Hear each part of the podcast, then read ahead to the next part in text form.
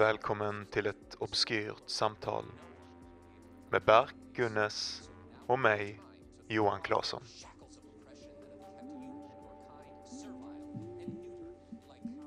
Spelade vi inte in, hade vi inte en- del som kändes som ett intro i... Vi kan ha ett till bara för säkerhets skull. Vi har ett extra intro, det här är ett extra insatt intro. Eh, välkommen till ett obskyrt samtal. Sponsrad av Monster. Sponsrad av Monster. Just det, men vi sitter och pratar om Monster. Ja men då pratar vi mon- om Monster i intro till introt också. Anyways, eh, vi... Eh, välkommen till veckans avsnitt. Vi pratar om eh, intuition versus planering. Mhm. Vi pratar om eh, att, att äga sina misstag, Precis. lite om förlåtelse.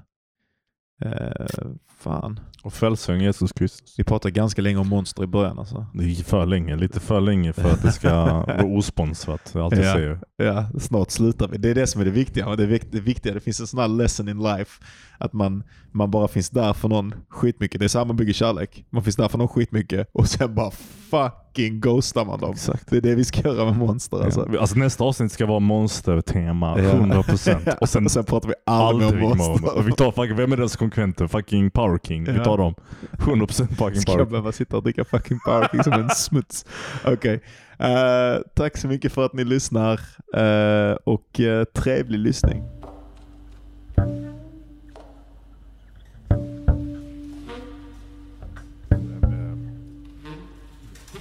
Den är faktiskt jävligt refreshing. Den är, det den är är den av ja. de sockerlösa Ja, monstren. Och tänk att jag hittade den av ett misstag. Det är fan det sjukaste. Mannen Så många saker i livet. av ett misstag. Jag, nu har jag hittat en, jag har hittat en YouTube-kanal som heter Caffeine Man. Vad är det? Han gör bara energi. Ja, ja, ja. ja. Vet du, han, sätter, han säger att i, han är, bor i USA så han har mycket Okej. mer val. Ja. Nummer två bästa koffeindrycken Är. of all time. Rain Sour Apple. Nej. Jo, jag lovar dig. Jag lovar dig. Han har testat alla. Han säger Ra- Rain ska, Sour. ska jag vara ärlig med dig så är det ju definitivt Monster Ultra Paradise en av de bästa. sjuk ut. Den är Nej, riktigt god. Ja. Den, en Den av de riktigt god. absolut bästa Ja. är den där mangodrickan. Den, deras mangovariant. Vad fan den heter. Den Fast är fan jag är ju mer Pacific Punch guy. För, alltså vi, att vi inte har fått lov att hosta den officiella monsterpodcasten i Vi, Sverige. vi hade kunnat snacka om Monster länge som helst. Det är egentligen det, det är alltid det enda jag vill prata om. Jag ser bara fram emot de här börjardelarna. Så att jag ska få lov att prata om monster. Och sen är allting annat padding. Precis. Alltså Monster är ju kungen av energidrycker. Det finns ju ingen bättre. Rain, än- Ja, Rain Rain, det ägs av kungen. Monster. Ja det är sant. Så det är skitsamma vad du säger, fattar du? Det är bara, det är bara en, vad är det i The Wire när, när Vet du när jag upptäckte att Rain ägdes av monster Vadå? så kändes det... Vad, vilken film har den här plotten? Alltså det kändes verkligen som att eh, jag var fångad i ett sånt nätverk, du vet när man tror att man har gjort sig fri. Mm. Och man träffar The. Organization som är liksom ett Freedom Fighters. Och så Exakt. råkar man se på bordet att en av dem har a subsidiary of the organization. Alltså så här man fattar, åh oh, nej. Yeah, I'm just another cog. Alltså man har, Ja. man har bara flytt till en annan nivå av samma spel. Precis. Så kände jag med Rain. Du kommer aldrig ut ur det. Det är samma sak som eh, Fanta och, och... Nej, inte Fanta. Jo, va? Fanta, jo, Fanta och Cola. Ja. Det är helt Vet du vad? Vill du veta vad som är sjukare? Nej, jag vet vad du ska säga. Coca-Cola äger en eh, substantial share i Monster. Du, kommer inte, du har inte ens kommit ut ur Coca-Cola-träsket mannen. Du är fortfarande där du började. Du var alltid där. Dum, dum, dum, dum, dum, dum. Nej, du kan inte göra lika bra som jag. Okej, ni får bedöma. Vem gör det bäst? alltså. Hur som helst, eh, du och din, eh, din eh, flickvän, din brand new flickvän besökte mig och min flickvän. Ja, det är därför vi inte gjorde någon Facebook-uppdatering förra veckan. Ja, ja just det. Var det därför? Vi var lite fucked. Ja, det var vi. Det var jag blev onsdagen. jättefull. Jag blev jättefull. Du, jag fattar inte riktigt. Du och Neffe blev inte riktigt. Men det var ändå emotional from all sides. Men det var, det var jag och Var Ella blev nog väldigt fulla. Alltså. Vi drack nästan upp hela den boxen Ja. utan på de flaskorna Ja, vin som ja. jag hade med mig. Helt sinnes.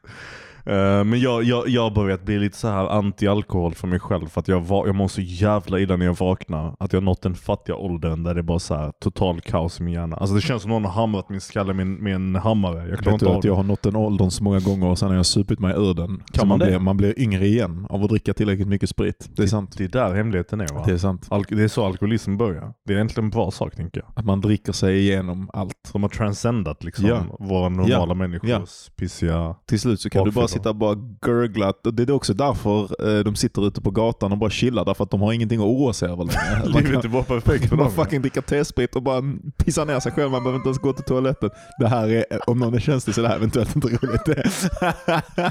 Ja, alla ni som har föräldrar som alkoholister och sånt, eh, de bara älskar Jaha, inte. jag tänker mer folk som är typ så lite fucking empatiska mot, mot uh, uteliggare. Ut, Hemlösa. mot hemlösa?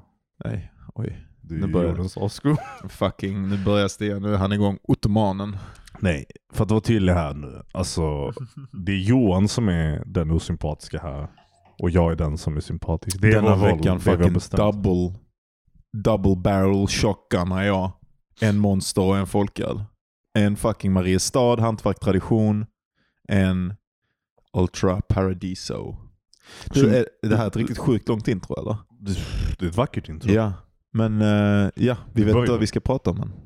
Ja, det brukar vi alltid prata om i början. Hela vår struktur går ut på att vi ska uh, Vad har, du gjort, vad har du gjort den här fucking Mannen, jag veckan? bro? hatar den frågan. Ja. Den suger ut all ork ur mig. Är det sant? Ja, ja, det är du som, behöver inte alltså, den är så på den. hemsk. Du behöver inte svara på den. Vad har du gjort den här veckan Berk? Så ska Ja. jag berätta om vad jag gjort min Något fattiga, fucking- sorgliga, patetiska, meningslösa pandemivecka. Du när jag varit hemma. hemma. Jag har suttit hemma i fucking måndag till fredag för att någon kille på mitt jobb var sjuk. Jag råkade vara i samma rum som honom. Ja. Trots att jag inte hade några symptom. Och suttit på min Macbook och, och varit, jobbat, jobbat fucking, jag får inte säga vad. Och så har jag gjort det i alla fall och det har varit skitjobbigt. Inget man, ingenting. Jag spelade lite spel, jag skrev lite, jag började skriva, jag började, eh, du, du skrämde mig mannen. Det här är en sak vi ska prata om. Okej. Är en sak vi insåg, eller jag insåg när vi var fulla i onsdags hemma hos, när du var hemma hos mig. Alltså riktigt fulla. Riktigt, riktigt påverkad och riktigt emotionell också. du, var, det jag ska så- säga var, det dig- också, var, det också, var det också så för dig? Men det var en riktigt sjuk sexuell spänning mellan oss två. Mellan dig och mig. Det var Ja. definitivt spänning. Alltså det var riktigt, det var lite obehagligt. Det hade kunnat... Det hade kunnat bli, vi hade kunnat börja slåss, vi hade kunnat börja knulla, vi hade kunnat börja vad som helst. Alltså man kände att allting, alla möjligheter Ja. kunde infrias vilken sekund som helst. Det var därför jag inte drack om jag ska ärlig så mycket. Jag kände att Slutade hade... du dricka? Var det därför? Ja, jag, jag kände det du, skickade, bara... du skickade en bild på mig nu här innan, eh, innan podcasten började på när jag sitter helt, jag fattar inte ens själv hur Du sa till mig, jag fotade dig.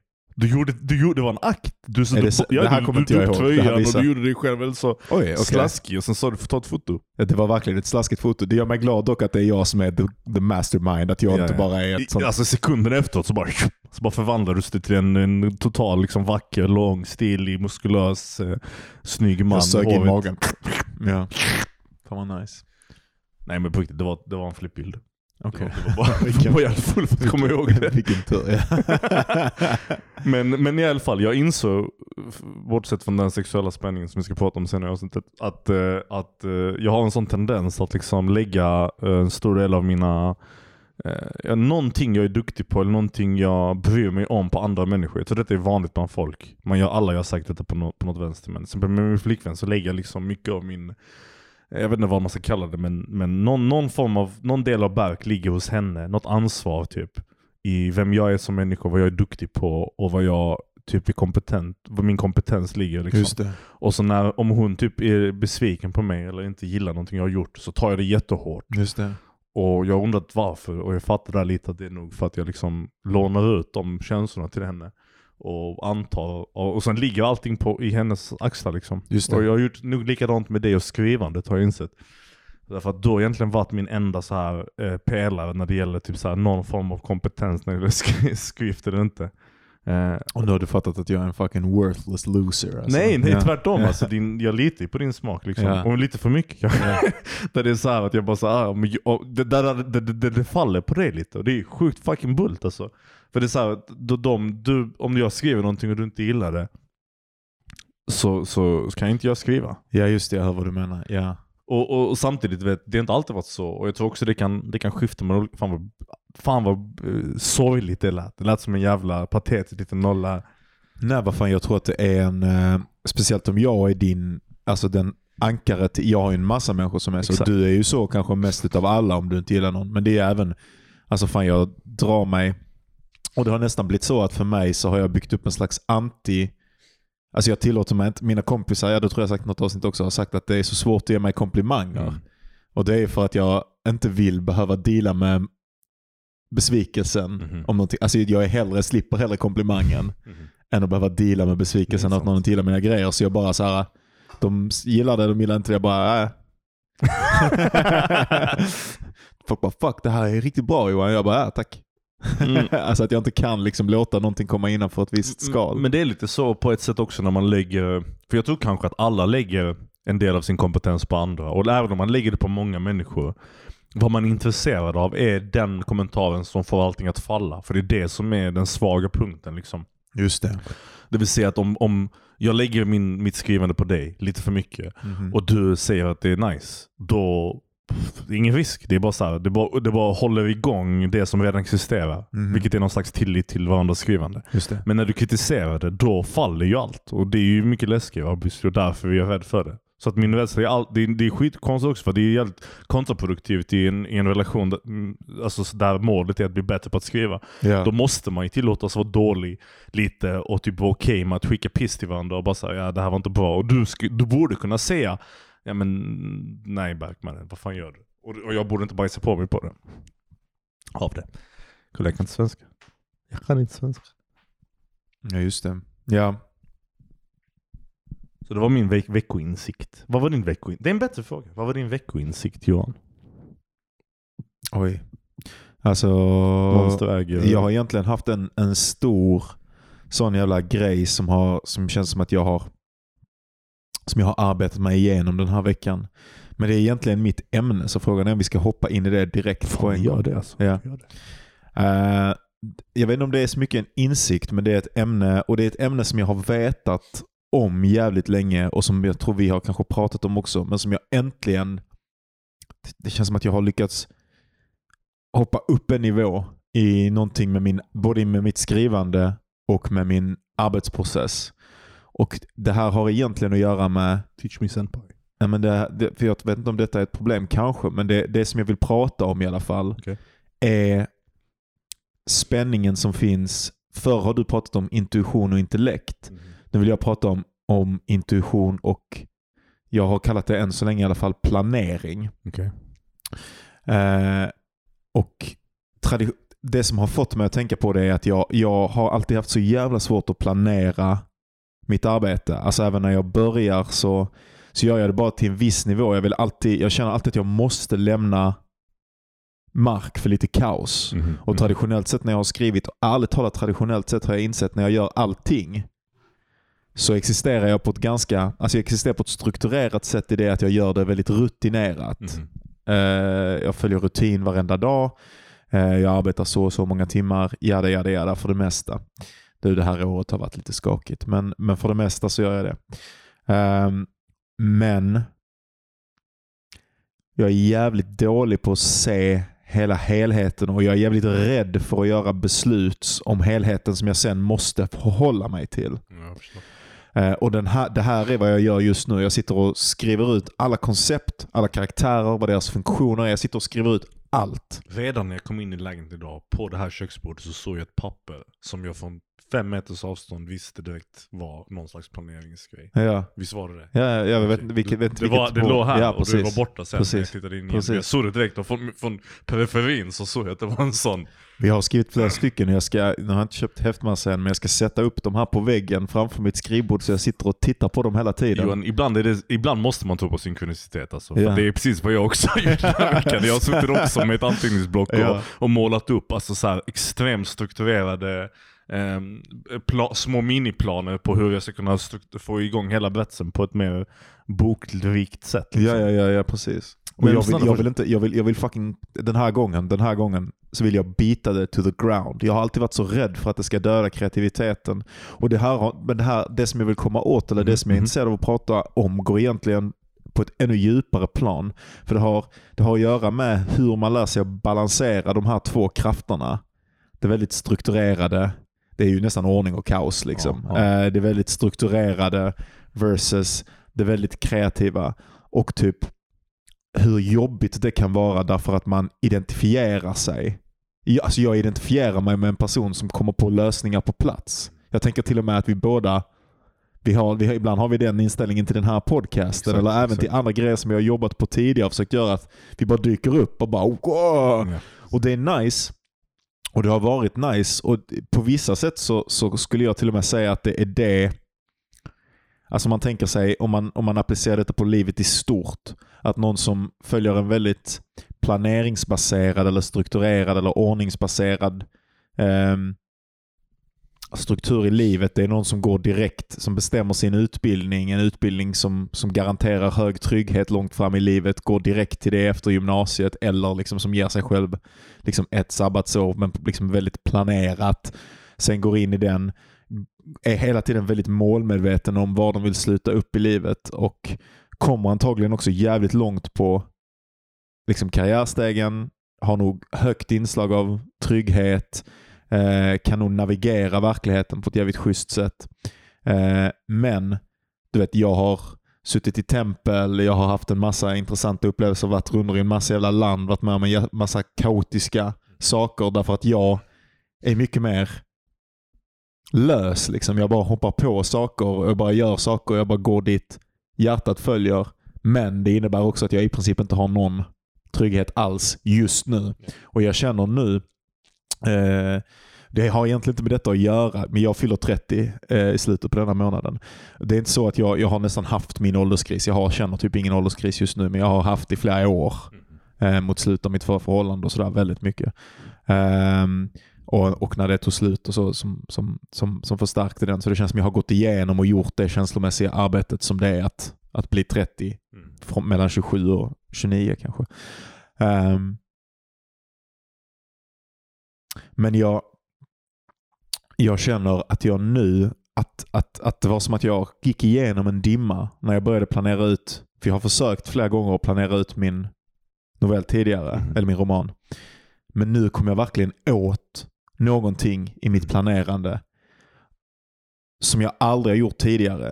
Och det var som det var som att jag vecklade ut en ny arm. Och jag hoppas nu, jag vill inte Mm. liksom jag vill inte säga för mycket än. Mhm.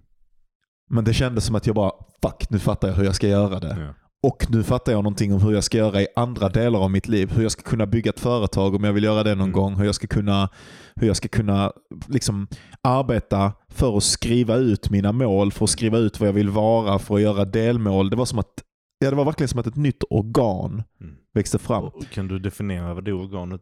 Det, är, det känns jättekonstigt att säga detta, men det är förmågan att planera sett från insidan. Okej. Make that någon sens? Alltså, det, det, det, typ som att jag har alltid kanske fattat Ja. att jag måste planera mer, Ja. men ändå så har jag gått till skrivbordet och bara skrivit på min sida och på min sida. Och varenda gång jag försökt planera så börjar jag skriva ut det och sen tappar jag fokusen Mm. eller någonting. Alltså det är som att jag hela tiden dras till det spontana Mm. i skrivhandlingen. Eller det som, ärligt talat också då det som är rutin. Alltså jag, rutinen för mig är nästan det intuitiva. Det har nästan inte med planering att göra utan Mm. planerandet, eller det ligger kanske mitt emellan eller någonting. Därför att det, det saker som jag är duktig på. Alltså jag är duktig på att gå och träna ofta när jag ska göra det. Jag är duktig på att sätta mig och meditera varje dag när jag ska göra det. Jag är duktig på att skriva varje dag när jag ska göra det. Alltså i alla fall när jag kommer in i fas. Liksom.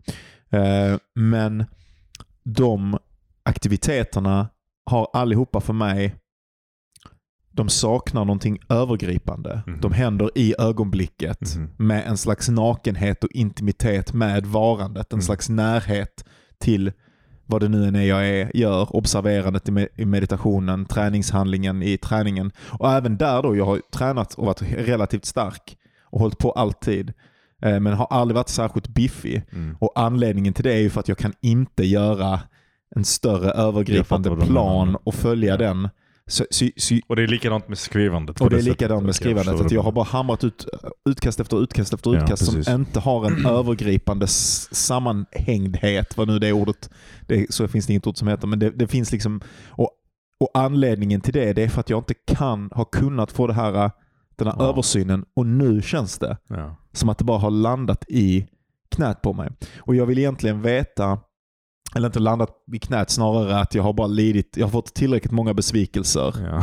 du Där jag, ja. där jag bara, nej nu, är, nu måste detta hända och sen började jag göra det. Mm. Och sen var det som att det bara flödade ut mig. Det Mm. var som att jag kom in i ett nytt flöde Mm. Mm. som jag aldrig har kommit åt innan, Ja, som är jag- jag planeringsflödet. Och, så jag antar att det jag är intresserad av är överhuvudtaget inte bara liksom, känner du igen dig i detta?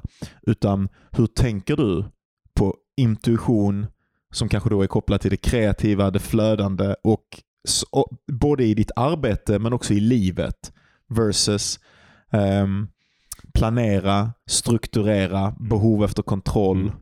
whatever. Det är jätteintressant. Ehm, Jag tror att jag, när det först gäller skrivandet så har jag gått igenom flera olika faser i mitt skrivande där jag har liksom pendlat mellan de här två sakerna utan att riktigt landa i på ett ställe. Ja. Eh, Där i vissa perioder när jag skrivit så har jag liksom satt mig ner med ett word-dokument eller med ett anteckningsblock, kastat ett anteckningsblock och så har jag skrivit ner karaktär, struktur, beats. Tog mig så långt att jag läste Save the Cat en gång, vilket är den där En sån Eh, superstrukturbok. Precis, och bara så här råstuderade de här beatsen. Så Mhm. jag kan dem helt utan till eh, fortfarande. Liksom. Men använde aldrig det för jag, jag insåg att det var ett dåligt sätt att skriva Ja. en berättelse på. Specifikt um, Blake Snyders metod. Liksom. Eh, och sen har jag liksom pendlat tillbaka till den här intuitionsskrivandet du pratar om. Eh, och det är nog där jag mest, mest tiden har fastnat. Eh, och du, du nämnde det tidigare, just intuition versus intellekt. Och det är lite egentligen nog samma sak som du pratar om. Där jag känner att mitt intellekt, äh, jag vill inte säga att det är svagare än mitt in, min intuition. Men den, den är inte lika tränad. Just det. Så mitt, min intuition, det är den jag har gjort allt. Alltså allting i livet och det gäller nog, då håller du nog med om. Och du kan nog känna igen dig i detta. Eh, Allting som sker i skola, på jobb, saker som går bra Mhm. har alltid skett eh, på ma- magiskt nästan. Just det. Alltså jag har inte haft en metod för att plugga, jag har bara kunnat. Eller, jag har inte, jag har inte liksom haft en anledning till att vara duktig på mitt jobb. Det har bara skett. Och de Okej. sakerna som har skett bra har varit typ så här. Har du sett uh, Mad Men? Det har du va? Ja. Det finns i pilotavsnittet en hel poäng med, med eh, Don, Don Draper när han liksom sitter och misslyckas komma på ehm, vad fan han ska göra med det här cigarettföretagsskiten. Just det. Han, han vet inte liksom, han kämpar och kämpar, han kommer inte på någonting. Han sitter och tänker på det och nötar på det. Och till slut så släpper han det helt och hållet och så bara säger jag bryr mig inte längre. Och Just så har han det här mötet med de här människorna och mitt i så kommer han på det liksom. Och det är skitbra. Det är fantastiskt. Ja. Och jag känner igen det jättemycket. Den här, jag säga inte att man obviously inte Don Draper på något sätt, eller vi har inte kanske den expertisen han har, men eh, på något sätt så känner jag igen den här känslan av att liksom surrendera till sitt eget eh, intellekt, eller sin egen intuition snarare menar jag. Och sen lita på den att ta dig ut ur situationen. Och det är lite så jag approachar typ podcasten. Det är lite så jag Ja. approachar typ eh, eh, skrivandet. Eller när jag designar någon, ja, ja. någon framsidan till podden. Något sånt. Jag bara typ sätter mig och så har jag ingen plan. Och så bara litar jag på att okej, Berk vet vad han gör någonstans internt. Och så löser han det. Och jag ville säga att det är en skitkorkad metod. Men inte för att den är dålig utan för att den är läskig och opålitlig. Ja. Den funkar inte alltid. Du kan inte liksom, om, om, du, om någon nu sa till dig Johan, så här, gå, gå, gå här, här TED, TED Talks, vi gör en, en grej med dig och de du ska hålla en presentation. Och du bara, äh, jag körde High Chaparral som jag gör allting i livet. Och så bara fuckar du upp det. ja. Du vet, det kan du Jag har, lika... gjort det, jag har gjort det många gånger. Jag har, kommit, jag har dykt upp till ställen ibland. Alltså jag ibland, någon gång, jag kommer ihåg eh, typ inför, eh, alltså då hade jag väl i sig tänkt på det länge, men Mm. inför mina föräldrars typ 60-årsfest eller Mm. sånt så höll jag ett sånt tal som blev liksom det, alltså, det låter löjligt men det är fan en av, det känns som en av mina så här stora kreativa moments Mm. därför att liksom alla grät så jävla mycket och efteråt så kom i princip varenda person Ja. som var på här festen och bara "Fa- alltså, hur fan kan du prata så? Alltså, jag visste inte ens. Och det var, det var alltså, du vet för den som skriver så är allting litet sånt. Allting som är liksom Ja, genuin exakt, praise. exakt. Och speciellt som inte är praise från ett akademiskt Ja, håll utan att exakt. de här människorna har bara varit med i den känslomässiga Mm. grejen som jag byggde upp. Mm. Och folk kom fram och bara fan har du lärt dig prata inför folk på det sättet? Och, alltså, ja, alltså var helt, alltså som att det som hade hänt var, och någon kom fram och bara det här är, är det bästa jag har hört. Ja, alltså, folk sa, ja, alltså det var riktigt sjukt. Mm, Och då wingade jag det. Ja. Alltså jag wingade det, eller skrev det dagen innan. Ja. Alltså typ så här efter Ja. jobbet när jag var skittrött och bara så här, och så bara jag bara, "Ja, det här är väl rätt okej. Och sen när jag deliverade det så gick det magiskt. Men grejen, men jag har gjort det här alltså hur många gånger som helst och förväntat mig att det skulle funka. Ja. Jag åkte upp och skrev, satt på tåget och försökte skriva ett tal till min systers bröllop Mhm. och kunde inte få till det. Alltså, vet, jag kunde inte komma åt de här jävla impromptu Mm. galna känslorna som jag bara borde ha planerat ut. Men jag bara satt och, och väntade på att det skulle dippa ner. Var det efter din mamma och pappas Ja. 60 Ja, okej. det, Och det funkar. Det fun det, problemet med det, och det här tror jag är grejen överhuvudtaget med att vara en sån här person, och Ja. det här, jag tror att många fax av detta i skolan, det är ju att det funkar tillräckligt ofta Ja. för att man ska identifiera sig. Och det är det här att, som jag var inne på innan med identifikation som jag också vill prata med. Att man Mm. identifierar sig med att vara en sån intuitiv person. En sån person som bara dyker upp på ställen och säger det smartaste i rummet. Precis. Helt utan planering, helt utan Precis. arbete. Och ibland händer det. Ja. Men det är inget sätt man kan leva sitt Nej, liv det på det. om Exakt. man vill uppnå några resultat Precis, överhuvudtaget. precis. Och, och, men men jag, jag ska kommentera på det, men jag vill säga att jag har en liknande, ett liknande misslyckande. Ett- famous misslyckande där jag gjorde exakt samma som du gjorde. Där jag, jag fick nästan ett jobb på Sveriges Radio ett par år sedan. Och då hade, jag, då hade jag twittrat en massa och så var det någon snubbe som kontaktade mig på Twitter eh, under ett fake-namn och bara sa hej jag jobbar på Sveriges Radio, vill Ja. du liksom vara med på och auditiona eller testa dig för, för tankesmedjan? Och jag bara okej fine. Jag trodde inte på dem först men så mejlade han mig och sånt och så träffades vi för ett möte på ett café och han var legitim liksom och han bara ja men jag behöver att du till typ nästa vecka skriver, eller nej det var inte ens det, det var bara jag vill att du typ till imorgon övermorgon ska skriva eh, någon slags essä eller någon, någon tankegrej som du sen kan spela in hos oss. Och jag vill specifikt att du ska bara få ett par dagar på dig för att göra det för att eh, jag vill se din förmåga Ja. att kunna tänka på, på fötterna liksom.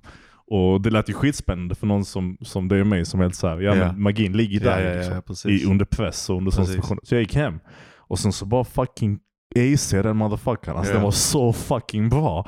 Och jag, jag lät ingen, alltså det var det, det, var det galnaste jag någonsin har skrivit. Det, det var verkligen ett sånt, en sån situation där det kan totalt misslyckas. Mm. Eller inte. Och Jag lät ingen höra det. Inte min Mm. flickvän, inte min mamma, ingen. Jag gick ut i bilen, satte mig i bilen, läste det för mig själv för att tajma det. En gång Ja. sa okej.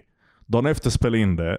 Killen som lyssnade, den här producenten, bara tittade på mig och bara sa det här, det här är fan alltså, det är de bästa sakerna jag hört. Liksom. Ja. Han bara du har gjort någonting som väldigt få människor kan göra. Ja.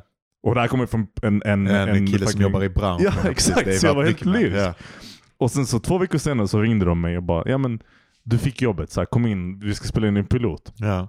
Jag kan inte fatta det. Du vet, det här är vägen till författarskapet. Eh, det är skaff, vara med i ett radioprogram, ha ett program, bla bla bla, skaffa massa människor som vet vem det är. Till slut så vill, blir det publicerat. Liksom, den. Så går jag dit och så fucking ska vi spela in ett program med Jonathan Unge och en annan person som visste sig att du kände. Mm. Gud, jag vill aldrig att du ska fråga hur det gick, för det var nog den sämsta Jag har inte dagen. träffat henne på hur länge som helst. bra. För det är nog det sämsta jag någonsin gjort. Jag var så fucking osäker och Ja. ynklig och Ja. patetisk. Jag känner, mig, jag känner mig som en liten smuts, en Ja. liten lort. Ja. Jag satt där och, trodde jag skulle spontant kunna komma fram ja, någonting. Ingenting. Jag var så fucking bull. Jag var bull med alla där, jag var bull med allt. Jag kom inte på någonting intressant. Till och med det jag spelade in var dåligt. Jag vet inte vad jag gjorde. Och sen efteråt så blev det inget av det. Jag är 100% säker på att det var min fattiga, urusla, ogenomplanerade, alltså opla, oplanerade eh, prestation som knullade. Ja. Jag hade det mannen! Ja, ja, ja. alltså, det är helt sinnessjukt. Ja, du hade, alltså, men fan det är ju stort i liksom, du hade ju fot, du hade haft en fot inne. Det Ja, och nu Men så- bara... sen You så only det get one det. shot and not miss your chance Ja men det är blow. verkligen så. Men det är det, vad- det, det Eminem är ju ett jävla dåligt exempel. För det är samma sak, han går ju ut dit och bara helt oförberedd. Och litar på sin, sin förmåga att lyckas. Och avvisar det en film så han lyckas. Men kom igen. Men han chokar ju fan flera gånger Ja jag innan du vet, jag chokade till slut lyckas ja. han. Ja men det kommer du också göra min vän. Vad jag, vill, vad jag ville säga var i alla fall att, men, men på ett sätt så, så vad, vad processen borde vara, Ja. det är att den här intuitionen borde komma efter år av planering. Ja. Efter år av att träna sitt intellekt. Då kan man vara Jag, duktig pratar, nog. jag pratade med en polare om detta. detta är, nu kommer det låta som att jag bara är en klyschbottare och det kanske jag är, men han pratade om specifikt, jag har en polare som, jag vill inte säga för mycket, men han är lite, eh, med all kärlek, lite slarvig. Mhm. Ehm, och du vet vem det är. Mhm. Eh, och han, eh, det, alltså det fuckar sig med för honom på olika sätt liksom. Hela tiden. Och, och så snackade han, om, han med mig om att han var arg på sig själv och inte kände sig vuxen. Liksom. Ehm, och, eh, och jag har också känt, så jag kände igen mig i det som fan, jag känner mig så, så hela tiden. Och det var ännu värre för. och så till slut sa han så, ja, jag, jag har i och för sig haft otur. Mm. Och jag bara, då direkt jag bara, nej du får inte tänka så. Alltså tur, det är verkligen så. Och det här är, nu säger jag det som att det är min idé, det här är en sån typ självhjälps whatever idé eller sån idé som bara finns ute som man hör från folk. Men tur är precis det du säger. Tur är att ha förberett sig i hundra år Mm. och sen bara råkar du befinna dig på samma café som rätt person. Mm. Och så har du alla förberedelserna i bagaget så du bara kan fucking imponera på dem. Det är inte något, det är ingen tur. Eh, alltså det, det är klart det finns liksom one, alltså det kan, man- ibland har man också bara tur. Men folk som har tur ofta, det är folk som har lagt supermycket prep work. Mm. Som har, lever på rigida strukturer som understödjer det de vill göra. Som gör att de är, befinner sig i rätt situation. Turen Så- är bara att personen är i kaféet. Ja, Men exakt. Du kommer alltid så småningom hitta dig i en sån situation. Ja. Om du bara liksom är ute och... och Exakt, och speciellt om du börjar, du vet så som, alltså när man börjar röra sig närmare sådana kretsar. Ja. Då kan man egentligen ha hundra sådana eh, situationer liksom, om året. Och det är det som folk säger som är jävligt framgångsrika och jag, jag tror att det är sant. Nu är det inte, jag tycker inte om att tänka på folk som oframgångsrika och framgångsrika. Det, är- det är inte ett bra sätt att tänka på det men man kan ta vissa, lektion, vissa lessons Mhm. från folk som är framgångsrika i alla fall om specifikt att bli framgångsrik. Om Mm. vi nu tänker på framgångsrik, inte nödvändigtvis som ekonomisk framgång utan bara att du lyckas göra det du vill göra inom ett visst fält. Liksom. Och då, då hör man alltid folk säga det att en av de viktigaste grejerna är att bara öppna upp ögonen Mm. för hur oändligt mycket opportunities det Ja, finns precis. hela Ja, tiden. ja, ja, definitivt. Och att sen bara ställa in sitt sikte på det och jobba mot Alltså bara göra så att ens jävla, vad fan heter det på svenska? Det heter reticular activation system på, eh, på engelska. Eh, Det som, det som gör att negativa människor bara ser en värld av meningslöshet och utan möjligheter och positiva människor ser en värld av, av möjligheter och jada jada jada. Den delen av hjärnan som, som väljer vad den ska fokusera på. Jag ska låta det säga snart. Den måste man, dels måste man förbereda och sen måste man träna den delen och känna igen att nu står jag inför en möjlighet. Liksom. Mm. Här finns någonting att göra. Alltså jag tror att den, eh, den förmågan kommer av, eh, av eh, så någonting så enkelt som liksom erfarenhet. Alltså jag var också en sån som en gång i tiden tänkte att eh, möjligheter var sällsynta. Men nu är jag genuint, alltså totalt motsatsen. Jag, jag, jag tror inte det, alltså jag är, typ, jag är typ sjukligt den andra sidan av det. Jag tänker att det finns Ja. möjlighet till absolut allting. Och, men, men, eh, Och du är lite ett bevis på det just nu tänker jag, därför att du har ju lite banan halkat in på någonting som det visar sig med ditt jobb. Tänker Ja, jag, som det ja. visar sig att du är jävligt bra på och där du, Precis. har, där du har gått snabbt för dig. Liksom. Ja, och det var, och det var ju, alltså jag hade ju, jag gjorde jag bara, ja det var ju literally det du sa. Jag bara typ, ja men jag testar detta och så bara trillar man in liksom. Och så är det något område som kan så småningom leda till, och jag, det finns ingen del av mig som, in, jag vet, alltså det här låter jävligt dumt. Och nu är jag så här monsterpåverkad, men, vilket gör mig inte narcissistisk. Men jag tror, att, jag tror att det finns ingen chans i världen att jag inte kommer komma dit jag vill på det företaget. Ja. Och inte för att jag är bäst. Jag är inte bäst. Jag är inte bra på det. Men jag kan bli bra på det. Ja. Och jag ser vägen dit. Jag Ja. ser literally, alltså det är jättetydligt för mig vad jag ska gå för att komma dit.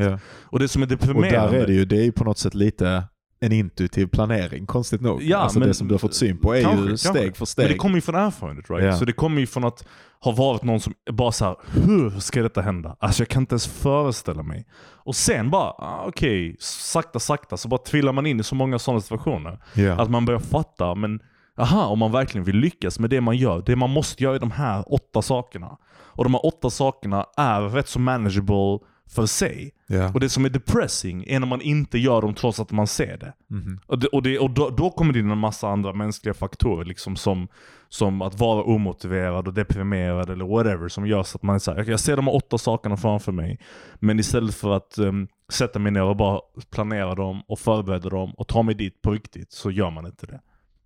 Och det, det är en annan diskussion vi kan ha lite senare. Men det, det tror jag är en biprodukt av att vara för så här alert om de här olika möjligheterna. Men det. Ehm, planeringen är det skrivande i alla fall. För det tycker jag är skitintressant. Eh, varför tro, är, du, är du inte rädd någonstans att du kanske, och det här frågar jag inte med någon riktad liksom, jag, jag är helt nyfiken Ja. på detta. Men är du, rädd, är du inte rädd lite att den spontaniteten som kommer från att bara skriva hej, hej vilt kanske inte finns kvar när du strukturerar så mycket? Jo, Alltså, men jag tror... Jag tror så att det, alltså att vad skriva är som en livsstil eller som ett, som ett långtidskreativt, alltså jag vill inte säga ar, ja men jo men arbete liksom, någonting, och då menar jag inte det som ett jobb i alltså, tjäna pengar nödvändigtvis, utan bara ett, ett sätt att leva sitt liv på, någonting man gör, ett arbete man utför. Ehm, så ehm, handlar det mycket om att det handlar mycket om, det, och det är också det man lär sig, det handlar mycket om att hitta metoder och att hela tiden utveckla sin process. Mhm. Och jag tror att min process har varit det här väldigt intuitiva, väldigt Mhm. kaosiga. Och jag tror att när jag berättar om min bok för folk nu Ja. så tycker de att det är jävligt kreativt. Ja. Och, och jag, som jag berättade för dig innan podcasten, jag höll på med en, med en tjej som jag skriver en pjäs med, eh, ett annat arbete nu. Och, och så pratade vi om, om min bok också när vi pratade om lite andra grejer. Hon bara, fuck alltså man blir så arg på det att du så, har så dålig självkänsla eller att Mm. du är så osäker på det här. För när man hör dig prata om så är det så uppenbart att du har så jävla mycket idé. Att det är Mm. liksom en epic här. Alltså det här är så jävla alltså, kreativt och whatever. Mm. Så det har ju tagit mig dit. Mm. Att jag kan berätta om min bok. Mm. Och att den är väldigt kreativ. Så det har tagit mig till idéerna Mm. att explodera ut. Men ingenting. Det har, det har knappt skrivit en sida Ja, av den boken som jag berättar om när jag berättar ja, om folk. Jag. Och jag tror att det som jag behöver nu, jag tror att det, be, det behövs inte, därför att jag har redan du vet, jag har redan kommit in, alltså kommer du ihåg det här jag skrev om sån sufi-mystik och grejer Ja. från massa år sedan? Det är ju borta sedan hur många år som helst. Och jag hade, alltså det finns tusen plotlines och grejer som har kommit in och kattats ut. Och Mm. kommit, så jag kommer aldrig bli färdig tror jag. Om jag fortsätter att förlita mig Mm. på den här äh, riktningslösa, explosiva kreativ- jag kreativiteten. ja. Utan jag tror att jag måste utveckla en process Ja. för att skriva som har ett, ett element, första, andra utkastet kanske, som bara är kreativ explosion. För det tar mig till den boken som jag Så berättar det var om. det jag skulle säga Ja. precis ja. Där, Därför och det här påminner lite om en sak vi, vi pratade med, med min flickvän om när hon frågade oss bara så här, men hur kommer man på sin bok? Alltså hur, hur hittar man på idéerna? Och vi sa liksom båda två tillsammans att det är typ en iterativ process. ja. Där du skriver någonting banalt och enkelt först. I den här explosiva, intuitiva Och fasen. så får du syn på något oväntat Exakt. i det du har Och skrivit. Så, Och så bara ja. iterator och iterator och iterator till du plötsligt har en sån här konstig sak Iterata inte... betyder upprepa. Ja men du, ja. ja, okej, jag Ja. tror du menar att jag sa fel. Nej. Ja men exakt, du, du upprepar processen i alla fall tills du eh, kan, eh, tills det blir något nytt liksom som Ja. inte hade kunnat komma på, på bara av dig själv. Och till slut, tror jag, så är man tillräckligt duktig att man kanske inte ens behöver den här initiala ett utkast, två ja, utkast ja, ja. perioden. Utan du är så in tuned med din liksom förmåga att skapa de här typen av Ja. berättelser som är joaniga. Och jag känner att, det, att, men jag känner att, att jag har kommit till det här joaniga Ja, ja. genom, och jag kommer alltid ha ett inslag, alltså på något sätt det som det är, är att, att hoppa fram och tillbaka Mm. mellan den här absoluta kaosen där man bara testar estetiska idéer och bara Mm, misslyckas och misslyckas och fuckar runder. Egentligen är det att sitta i soffan och prova skalor Mhm. eller någonting. Och sen, eh, du vet om du, sitter, om du spelar gitarr till exempel. Att du sitter och provar olika skalor, du sitter och bara flummar, du sitter och lär dig den frygiska skalan och whatever. Och sen, sen tar du din gitarr Mm. och sen så bygger du Mm. Licks och grejer Mm. utav de skalorna som du har övat som du numera kan spela på. Så jag, jag känner att jag har på utvecklat ett visst mystiskt sätt, suggestivt sätt, eh, vissa tematiska saker som intresserar mig. Det har jag hittat i alla de här åren. Men jag måste hitta till den här jävla... nu måste jag ta de idéerna som finns. Inte fortsätta spotta ur mig nya idéer som jag har gjort i flera år nu. Utan ta de idéerna som finns och bara hugga, hugga, hugga, hugga Ja. tills, det, tills jag har en klar karta för var jag är nu Mm. och vad jag vill. Precis vad jag vill. Och sen skulle det vara så att det kommer in något mer kreativt, fine. Mm. Men nu måste jag bara bli fucking färdig. Mm. Och för att bli fucking färdig så måste jag vara stenhård med mig själv med den scenen, där ska det hända, den scenen. Jag måste förklara för mig själv, Mm. scen för scen, vad är syftet? Ja. Varför gör karaktärerna det här? Ja. Jag måste veta allting. Ja. Det är intressant. Det är jävligt intressant. Och det är också intressant att jag också, oberoende av dig, kom till samma slutsats. Eller inte riktigt helt om vi ska vara ärliga. För du Mm. nämnde ju för någon vecka sedan att du var rädd för den här du, begynnelsen av den här idén verkade ju ha börjat, ha, ha, ha, kunnat spåras till det ögonblicket när du sa att du läste igenom ditt utkast och du var helt så shit det här är Ja. ingen bok liksom. Ja.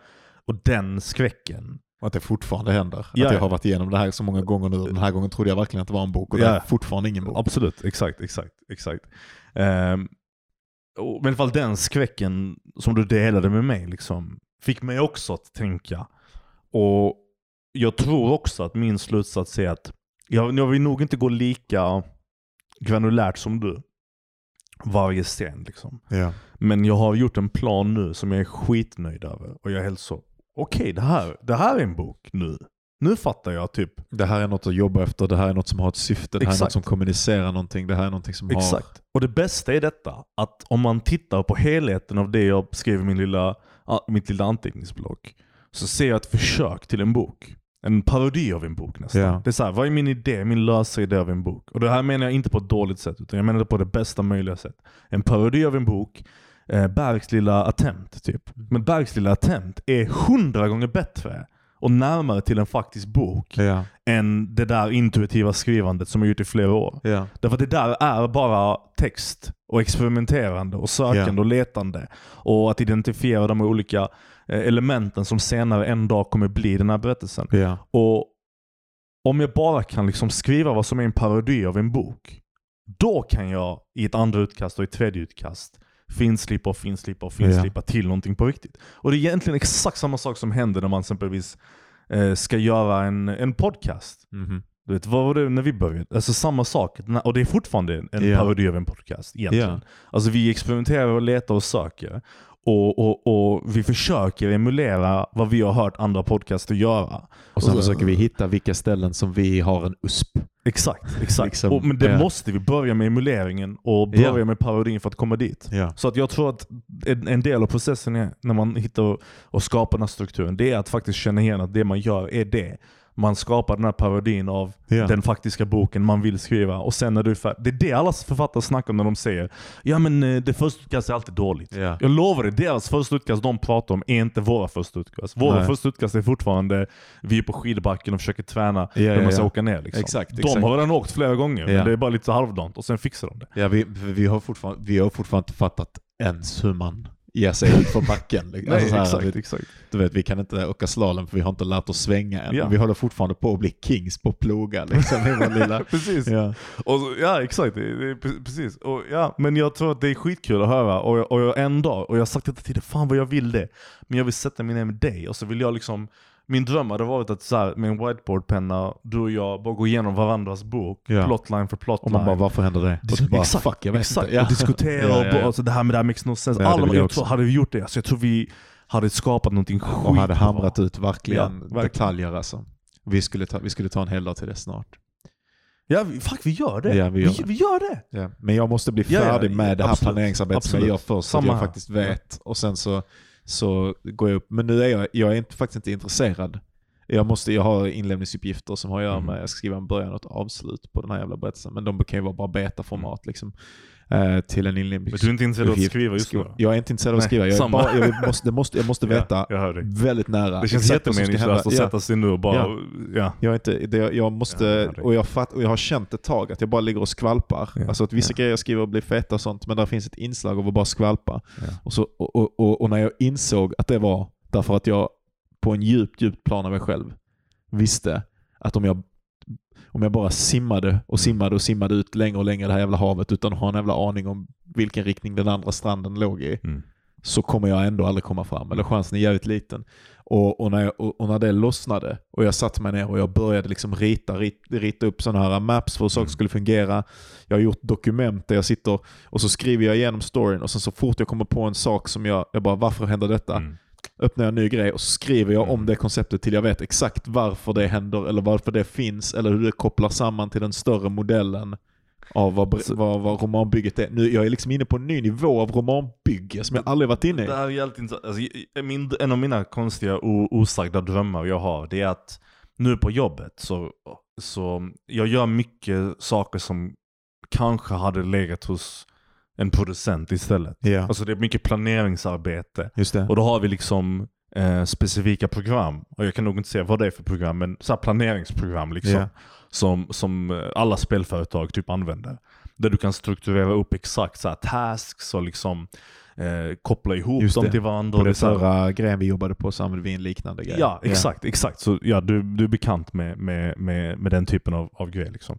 Men, men en sak jag insåg, inser det är att alltså, på jobbet är jag extremt, alltså nästan sjukligt planeringskåt. Alltså, det är Ja. typ allt jag, jag måste göra det innan jag börjar arbeta. Ja. Till skillnad från i vardagslivet. Men min, min, min, lilla hemliga dröm är att implementera det, det planeringsarbetet på skrivandet. Mhm. Det är literally att ha de här samma programmen. Alltså, jag vill, jag vill ibland vill jag typ så öppna en liten hemlig branch av det program som ingen känner till på jobbet. Och sen bara plotta min bok där. Ja. Så att allting finns i liksom tasks och kopplade som en jävla... Eh, för den, vad jag vill komma till, en av de svåra sakerna med det du beskriver, att sitta och skriva ner alla de här sakerna.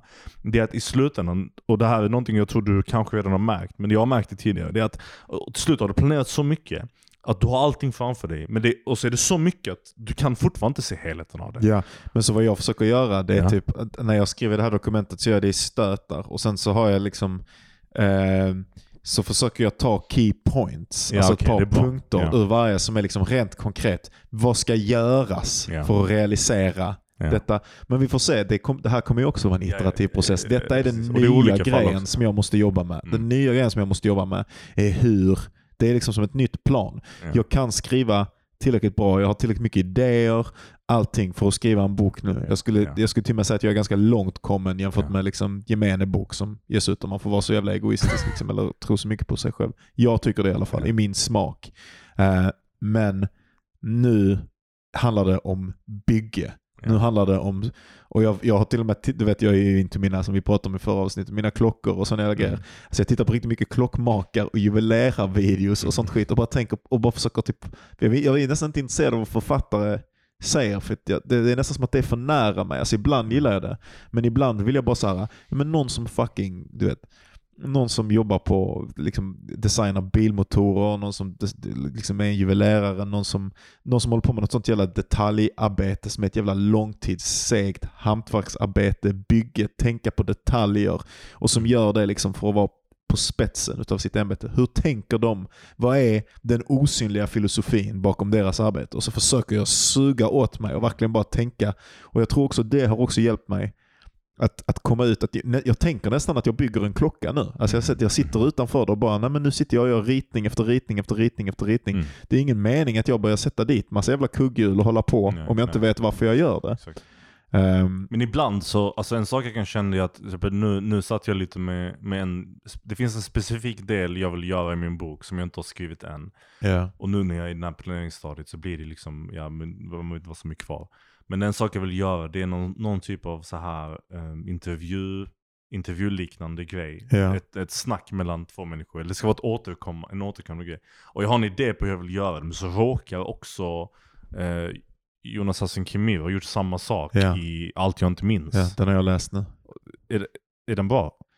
Eh, den är, är, han är duktig på, bygget är bra. Okej. Jag gillar inte hans prosa. Nej, på, jag eh, alltså jag tycker, och jag tycker, eller jag vet fan, det har en sån riktig konstig ton av uh, Tjena mannen, tjena tjabba. Fuck vi de tungsta, kolla gussar. Alltså jag vet inte fan, det är så Ja, riktigt, det är en ton i det som är liksom så här. Alltså, ja, verkligen som att en författare försöker beskriva hur folk pratar och bara aldrig har träffat en människa eller bara sett människor på håll. Men det han har gjort i den i alla fall. ja. Där han liksom pratar, alltså det är någonting med, alltså jag har inte, riktigt, jag har inte vågat kolla i den för mycket för att Ja. jag är så fuck det rör lite på vad jag vill Det, åstadkomma det är här. att det finns en massa olika utsagor som har eh, om en person och ett öde och de olika utsagorna eh, Men det är, mer, det, det är i mindre skala, det är någonting som sker i själva paragraferna. Alltså det är nästan som att frågan inte ställs. Det är som att intervjuarens eh, frågor till personerna inte riktigt skrivs. Utan det är typ svar, sen punkt, och sen en paus, och sen svar, och sen en paus. Ja exakt, sen... det är bara svar. Man får aldrig höra författarens röst. Ja. Den dumma idén hade jag, och jag var helt så, det ska jag, på något sätt måste jag göra det. Ja. Och sen så märkte jag att Jonas Hassan Jag tror att det har gjorts innan hon Det har säkerligen 100% gjorts, men jag vill inte bara fucking kopiera Jonas Ja, Khemir. men alltså känns det som är speciellt med den är ju typ att de minns eller ljuger. Ja exakt, så det Eh, skapar olika liksom. Så ja, det finns ja, det är liksom vad flera olika personer väljer att prata om Precis. med vad som hände med den här snubben. Men- Samuel eller vad fan han heter. Ja. Men, men min poäng i alla fall är inte bara det att man ska, att, eh, ska man kopiera eller inte kopiera eller vad man ska göra. Utan problemet är detta att då hände det, då hände det en intressant sak att jag kände att ja, men jag vill sätta mig framför datorn och så vill jag liksom experimentera mig till en form som jag inte kan tänka. Så det finns fortfarande ett element av där intuitionen kan vara viktig i planeringsstadiet. Det är så att en del av min, mina, de här beatsen jag vill få in i berättelsen har typ en struktur, en, ett format som jag typ så här, åh, det är en känsla på någonting jag vill åstadkomma men jag vet Ja. inte hur jag ska göra. Och mitt intellekt är inte smart nog att klura ut det så. Ah, det är klart det ska vara detta. Så jag måste liksom sätta mig ner och skriva typ så här 10-15 sidor och bara okej, nu, nu hänger jag med. Men även om det materialet inte kommer användas. Ja, så måste man bara komma åt på det sättet. Precis, så jag vet. Okej, exakt, exakt det. Men ja. Men så gör jag också. Jag tänker att det kan vara, jag tänker att man kan se det som en del, eller, eller att det är pr precis det. Alltså jag har också en del i min bok som är ett sånt tomrum där jag inte vet, alltså jag, där jag vet vad det ska fylla för syfte. Men jag fattar fortfarande inte riktigt vad det är som ska hända där. Eller typ så här att jag, jag har alltid, jag har provat flera olika versioner av det men det har aldrig blivit bra Mm, liksom. mm. Ehm, och jag tror att, att, att, det har, att jag bara måste sätta mig ner och bara skissa och skissa och skissa och Ja, skissa. Bara göra om det skiss efter skiss, skiss till skissen liknar någonting där jag kan se Exakt. igenom djungeln och se vad det är jag vill komma åt. Och då kan jag kanske till och med planera ut den biten och Mm. skriva den Mm. på ett semiseriöst sätt. Liksom. Mm. Ja. Det är intressant. Men eh, vi, vi tar en paus. Ja. Hej. Nu för att byta ämne helt och hållet så ska vi prata om misslyckanden. Inte riktigt eh, misslyckanden på samma sätt som vi Sveriges Radio-misslyckandet eller hålla tal på din systers bröllop misslyckandet men eh, typ misslyckande antar jag i relation till eh, till, till saker man gör i livet som eh, där man själv typ är the bad guy. När man Ja. gör någonting pissigt liksom.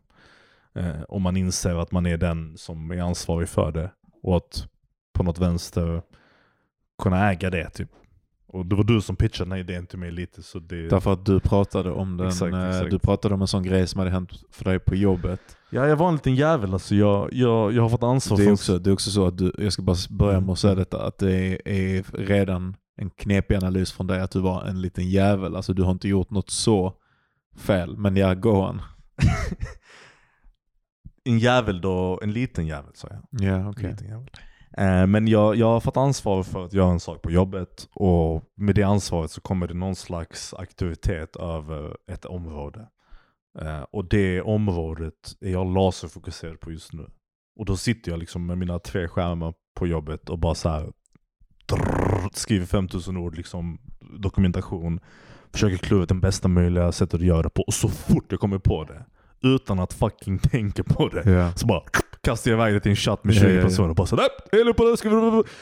Och såklart när man gör det på det sättet så händer det ibland att man, med tanke på att man är lite relativt ny på jobbet och Ja. andra människor som är lite mer seniora och har egentligen mer erfarenhet, Ja. kanske tänker vem fan är han och säger detta till mig just nu? Mhm. Och nu är det lite så att antagandet, jag antar att de tänker så ja. lite. Men det hände en Vilket situation... också är din personlighetstyp. Ja, exakt. exakt. De kanske inte alls tänker, de kan tycka ja, vad kul att han är entusiastisk och bryr sig och försöker och så vidare. Men whatever, i min värld i alla fall så tänker de här jävla kuksugare Ja, ja, ja, som ja. tror att han är någonting. Och i, den, i, den, eh, i det narrativet så, så såklart oversteppade jag mina boundaries idag. Liksom. Jag sa någonting tydligt som jag tyckte att folk skulle göra. Ja. Och sen så, så, så var folk okej med det. Och sen så typ gjorde en annan liten smutsig sak. Och sen callade någon out mig liksom och bara såhär hej varför gjorde du så? Och såklart hade jag inget svar på det. För det var bara så här, ja men min laserfokuserade bild av hur jag skulle lösa situationen gjorde så att min, spontan, min spontana känsla var att detta skulle vara den bästa lösningen på situationen. Men jag tänkte inte överhuvudtaget på hur det kan... Kan du, alltså typ så här, kan du säga, för att jag tänker ändå att om du bara säger så här, prova att klippa ut detta, om, eller klippa Ja. ut detta om, det, om jag oversteppar. Men alltså så här, det var typ så att du bara, du hade en möjlighet att behålla folk, för, det, så att, för annars blir det så jävla rörigt för lyssnare tänker jag. såklart. Du hade möjlighet att behålla folk i ett chattrum Ja. och du kastade ut dem som du tänkte att det inte var relevant för Exakt. utan att tänka att de kanske ändå liksom Precis. ville vara med eller kunde få ut någonting av det. Precis, precis. Och så var det någon som callade out dig på Ja. det. Exakt. Eh, och sen fick du då bara erkänna att du bara, Ja. fan, jag tänkte inte mig för, Ja. bjöd, bjuda in alla igen och be om ursäkt att Ja. ja, jag gjorde det. Exakt det Han hände. Ja. Exakt det hände. Och det tänker jag att det, där, där är inga företagshemligheter. Nej det är det liksom. inte. Och, och, och min tanke då, min intention var ju god såklart. Jag, jag ville ju inte undanhålla någonting för någon utan min tanke var, jag vill simplifiera det så att det är effektivt. Men i den tanken om det effektiva så liksom fuckade jag. Och det var jag som sitter, alltså ingen annan, vi löste det skitfint efteråt. Ja. Alla var glada, det var hur bra som helst. Men jag satt hela dagen idag och bara tänkte på det Var och hatade mig deppig, själv. ja. Nej, inte var lite man, jag, jag var deprimerad. Det Ja. regnade ute och så Ja, gick jag ja, hem och ja. tänkte jag kastade ut fyra personer i chatt jag inte borde kasta Ja. på. Det är ju sorgligt men det är någon Men det är slags... sånt man skuldbelägger sig själv överdrivet mycket. det är Exakt, för dig så exakt. verkar det som att du verkligen har gjort något ondskefullt. Det är därför också du beskriver det som en jävelgrej. Eller som Ja. man, eh, men, men mönstret är ju intressant. Därför Ja. det, det var också, innan jag visste att du hade gjort det så var det det som jag sa till dig. Att jag bara, jag tycker att du borde göra detta. Mm. Ehm, och typ, det, för det är verkligen en intressant tanke eller en intressant grej hur man lever med sina misslyckanden Ja. och misstag Ja. och hur man axlar dem och kanske vilken vikt det har för både att man ska bli en person som är liksom omtyckt och whatever, Mm. men också, tror jag, Mm. i egenskap av en person som inte är särskilt framgångsrik på, ett, på något ekonomiskt plan. Men, men, men eh, för, för att bli framgångsrik, Mm. liksom, för, för, för att med situationstecken nu lyckas i livet. Mm. Återigen, kanske inte ens nödvändigtvis ekonomiskt, utan Mm. bara bli en lycklig person som, som har bra djupa connections med folk och, och Mm. kan liksom verkställa sina projekt på ett bra sätt. Mm. Att man, och jag tror att det är bättre, det här är också sån klassisk visdom, liksom, men det är nästan bättre att ta initiativ Mm. och sen be om ursäkt. Ofta i alla fall, många gånger. Alltså att försöka hitta de bästa sant. lösningarna. Och sen så blir det fel. Ja. Så bara, ah, okej, fan, jag hade en Ja. tanke med det, men om ni Absolut. inte håller med, Absolut. ingen skada skedd. Vi skiter i det. Exakt. Och inte heller ta någon sån här konstig stolthet eller Ja, någonting ja. i sin... Alltså, men det är fler element till det. För delvis är det någon slags fulhet i att inte erkänna sina misstag. För att det är den här stoltheten. ja. Den här idén av att man kan upprätthålla någon slags illusion av kompetens typ. Eller moralisk överlägsenhet. Inte överlägsenhet, men mor- eh, hög moral genom att eh, förneka sina, sina snedsteg. Liksom. Ja. Så det pekar ju definitivt på en mognad att kunna säga Hej, det var, det var fel av mig, jag borde inte ha gjort så. Och Ja, ja. genuint menar också. Inte Ja. bara som en sån eh, strategisk lösning till en situation som man innerst inne tycker man gjorde rätt på. Utan bara gå shit, fuck. Det var dumt liksom. Ja, ja, ja. Och, och det jag ville snacka om lite är också typ så konsekvensen av att inte äga upp till det.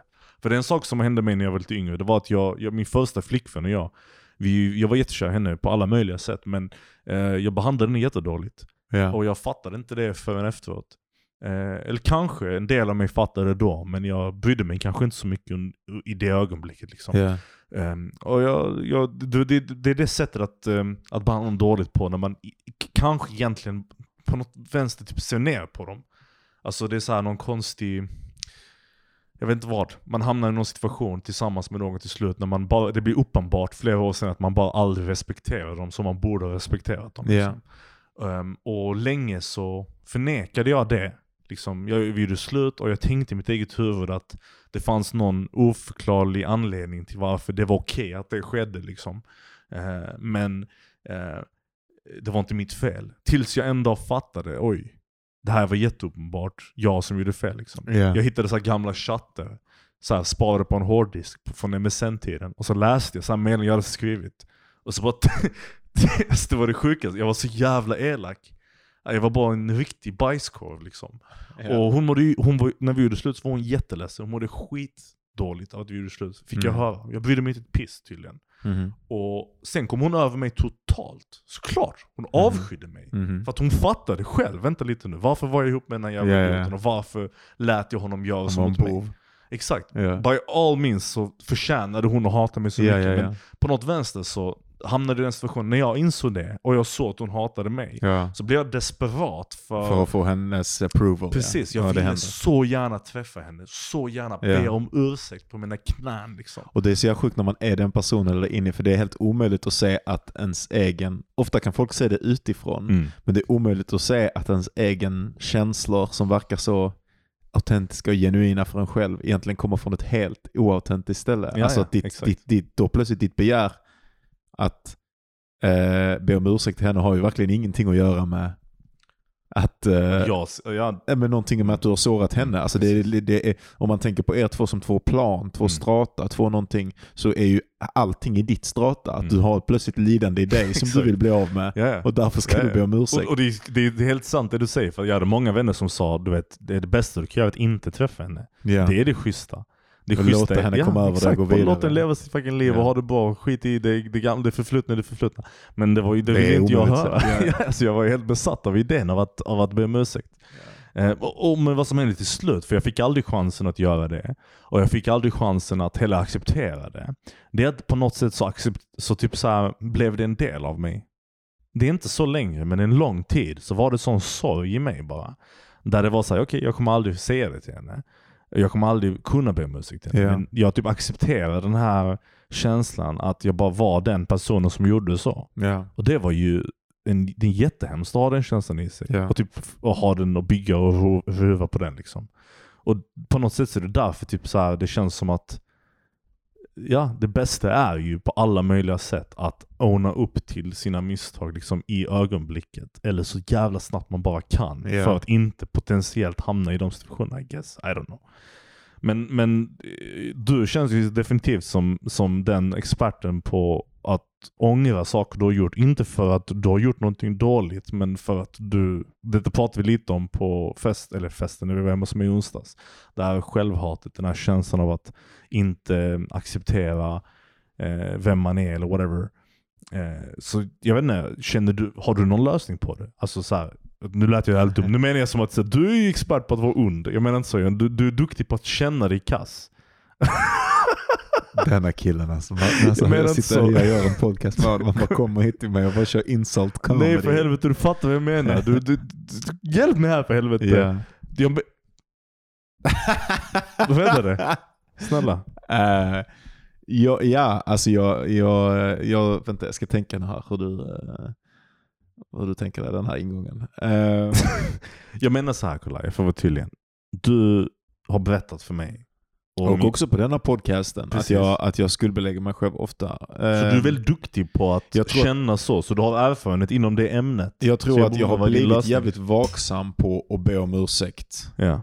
direkt. Jag tror, jag tror att det är nästan omöjligt om jag känner att jag har gjort fel. Att jag inte... eh, Alltså, det, jag har byggt upp så här känslomässig vad säger man, leverage. Mhm.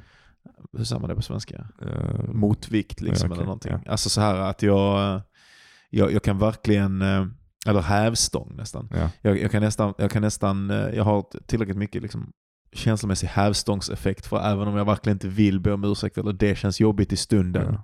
Så förr så var det liksom som att det kändes självklart att man bara kunde Mm. skita i det. Eller att man bara kunde fly från det. Och sen till slut så skulle den andra personen komma över det eller whatever. Och det tror jag jag gör jävligt sällan nu därför att jag vet att jag vill verkligen be om ursäkt Mm. direkt. Så jag, jag slipper leva med det. Och också eh, därför att jag tror att jag har insett mer, vilket jag tror är den bättre lösningen som vi var inne på, att jag har börjat fatta att mina handlingar verkligen sårar folk och Mm. verkligen kan göra grejer mot folk. Liksom. Att innan så tänkte jag nog, att, nästan som en slags omvänd narcissism också, att jag någonstans inne i mig tänkte jag att jag bara, ja men folk kommer över min skit därför att jag är så oviktig för alla andra Mm. människor egentligen. Mm. Alltså egentligen så är jag oviktig. Och därför om jag gör någonting så är det för att jag är en, en dum halvmänniska och därför kommer de komma över det. Därför vem bryr sig vad en dum halvmänniska gör liksom. Och sen så, så har väl det där ändrats. Så jag brukar också vara ganska snabb.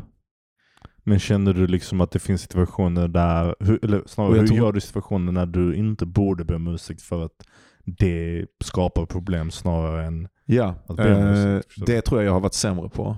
ja. Eh, aldrig lika dålig som du har varit. Nej, jag- alltså, ja. du, för när du och jag träffades så var du ju helt sjuk i huvudet att be om ursäkt för allting. Alltså. Eh, riktigt så mycket har jag aldrig varit. Eh, och jag kan också vara... Ja, men jag, men jag tycker att jag har varit dålig på motsatsen. Det vill säga att jag förlåter jag förlåter folk för mycket, jag tar Mm. på mig skuld för mycket. Det, det som ibland, liksom, att dra gränser har jag nog varit jävligt kass på det- hela mitt liv. Och jag känner att nyligen så har jag blivit jävligt mycket bättre på det. Är detta lite typ, och förlåt om jag går lite för privat här men jag antar att det är okej. Är detta lite som när du pratar om situationen du hamnade i med ditt före detta flickvän?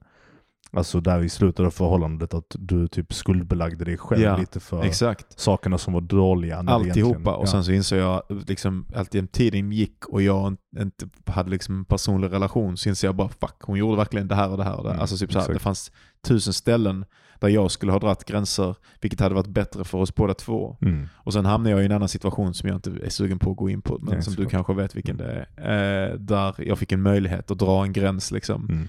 Och, och där jag märkte, alltså det är det problemet som, som liksom gränsen var i förhållande till. När jag drog gränsen så försvann problemet. Ja. Därför att både den andra personen och jag behövde att gränsen drogs. Liksom. Ja, och annars hade jag inte dragit den gränsen så hade det blivit ett problem. Mm. Och den andra personen hade tillåtits att känna känslor om det eh, som den egentligen inte hade rätt till eller någonting. Mm. Eh, och eh, Så att för mig så är det mer den grejen. Jag tror att jag är ganska duktig på att owna up till mistakes och att det snarare har kommit att bli en intressant fråga hur jag gör för att inte owna up till för mycket Mm. mistakes. Och även eh, då ehm, och därför att det också är, det är inte bara dåligt för dig själv, det är dåligt, det är det som är hela poängen också. Att hålla på att ta på dig saker som inte egentligen är ditt fel Mm. förstör den andra personens möjlighet att, att ehm, det tar bort ett inslag av säkerhet för den också. Mm. I alla situationer, Mm. både i arbetssituationer och sådär. Och och det, det gör dig inte trovärdig när du väl ber om ursäkt därför att du blir en sån person som ber om ursäkt eller tar på dig allting. Mm. Och min inre logik var ju för att, alltså ett slags konstig, som jag har pratat om någon gång, en slags konstig manlighet eller nästan martyr. Att jag bara, nej men jag, jag klarar det. Mm. Jag är stark nog för att ta på mig allting. Och för att, och liksom, om den andra personen som jag är med eller någonting utagerar på olika sätt eller ställer till med olika situationer, ja, men så får jag bara bita ihop och, och hantera det. Ja. Och, för jag blir inte arg direkt, eller jag blir inte så, men däremot så blir det som något slags jävla gift som långsamt, långsamt, långsamt sipprar ner i mitt undermedvetna som sen manifesterar sig som en massa För andra fan, Det problem. är exakt det som är typ grunden till ett självhat. Ja. Därför att när man tar på sig skulden för allt och allting man tar på sig skulden för är dåligt och negativt obviously. För det är det man, man tar ju bara på sig skulden, skulden på saker som är kassa. Ja. Så kommer man ju såklart hata, hata sig själv och det resultatet man tror att man, man är. Liksom. Ja. Eh, har du alltid gjort det då? Alltså sen du var liten? Eller är detta någonting relativt nytt liksom? Jag tror att, jag tror, ja, jag tror förr kanske att jag inte tog på mig någonting alls. Så jag tror att det kanske är en växel. Du vet att det, eh, som jag har sagt innan, att någon gång i livet, förr så hade jag ursäkter för mig själv alltid. Och sen någon gång i livet så upptäckte jag att det var så att jag verkligen inte var en bra människa. Att jag Ja. verkligen inte kunde... Jag tyckte att jag var ett offer alltid. Och när jag gjorde fel så fanns det förklaringar. Men när andra gjorde fel så fanns det inga förklaringar. Mm. Och sen någon gång i livet så blev jag medveten om det. Jag började fatta det mer när jag verkligen sårade någon människa. Och sen Mm. ännu mer när jag började med meditationen. När jag verkligen började få, liksom, komma ner i djupet av min egen, mina egna strukturer. Och jag började se hur mycket jag liksom, på olika sätt skyddade mig själv eller vad man ska säga. Eller förklarade bort mitt eget beteende. Och sen såg mig själv som att alla andra gjorde onda handlingar eller Mm. någonting. Och då var det som att det flippade. Mm. Och då var det, tror jag att det blev bara som att jag var källan till alla onda handlingar Mm. istället. Och att jag började förlåta alla andra för allting liksom. Ehm, och också förlåta på ett falskt sätt. Alltså jag, jag, jag tänkte i mitt huvud att jag förlät dem men man höll alltid Ah, kvar med en slags misstro och en slags Mm. Eh, alltså de, de var inte, de var inte förlåt, förlåtna på djupet. Liksom. Skulle vi bli, bli fulla eller vi skulle börja bråka så skulle Mm. de här sakerna komma upp igen. Mm. Därför att jag hade inte förlåtit dem. För Det, det var nästa fråga jag ville ställa, just om förlåtelse mhm. faktiskt. Men, men, eh, men snälla fortsätt, för att, vad, vad tror du resultatet blir av, då av, att, av att vara den typen av människa? Liksom? Tror du att, känner du fortfarande av konsekvenserna av det på något vänster? Ja men det gör jag väl. Och jag tänker att jag... Du vet, man, man hoppas alltid att man ska vara färdigutvecklad. Och jag trodde väl att jag skulle vara färdigutvecklad nu men jag känner ju verkligen, alltså det här året.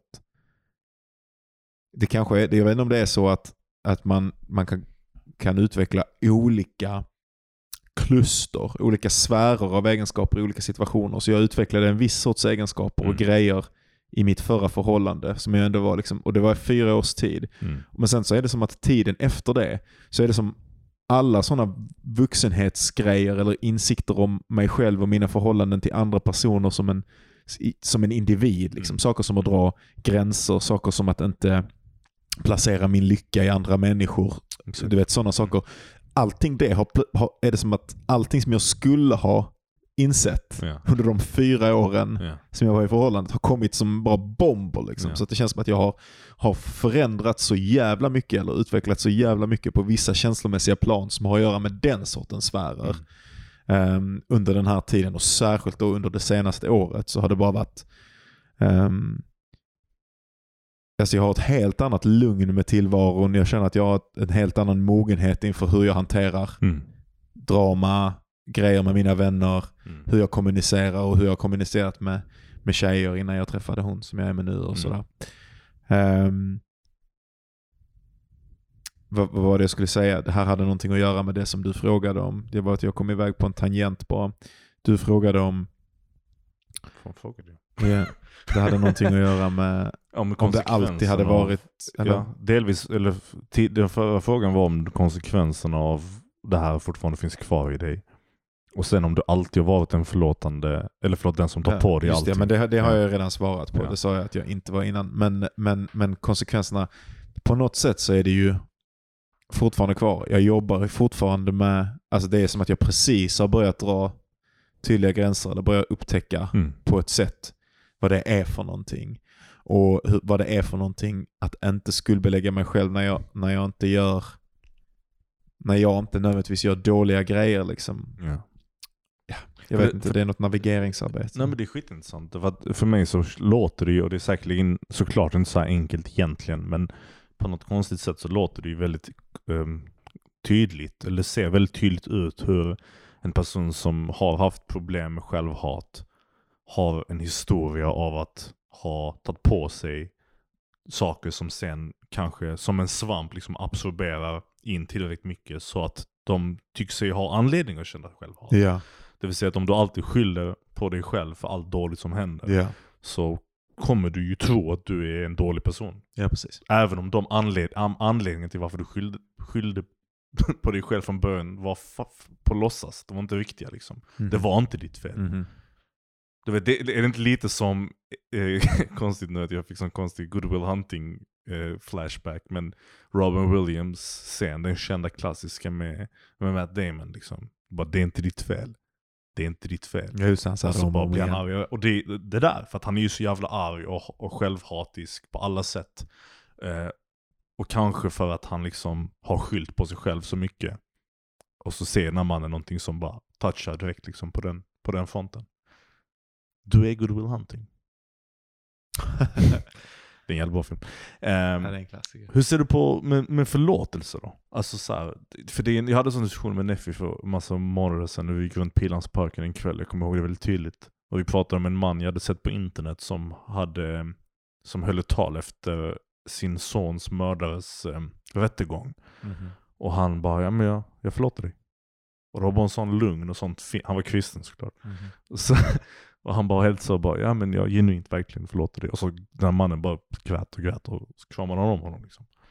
Eh, och Neffi och jag hade den, det snacket liksom, och jag tror, vi, jag tror hon för mig var lite såhär, hon sa att hon har väldigt svårt att föreställa sig Mhm. den typen av, Det är väldigt radikalt. det är extremt radikalt. Alltså radikalt inte bara på som att det är långt ute, utan att det nästan kan vara svårt att förstå ja, ja. för någon som inte är där och kan, till och med kan se ondskefullt ut. Ja, ja, ja, ja, kanske ja, exakt. Det, det tänkte jag inte riktigt på, men absolut det kan. Alltså, men när det känns ja. genuint på det sättet. Mhm. Där det är så här, jag ser det under du har gjort, men Ja. jag liksom, Men tänk ofta, jag, det, vet, det finns sådana det finns såna um, meditationslärare kända eh, som, jag kommer inte ihåg vad de heter just nu, men de, de eh, har jobbat jättemycket med fängelseprogram och pratar om, det finns en, det finns en skitfin föreläsning med Ramdas som är en sån jättekänd, eh, alltså han populariserade en viss form av hinduism i, i västlandet. Men, och sen så, han har jobbat med, med eh,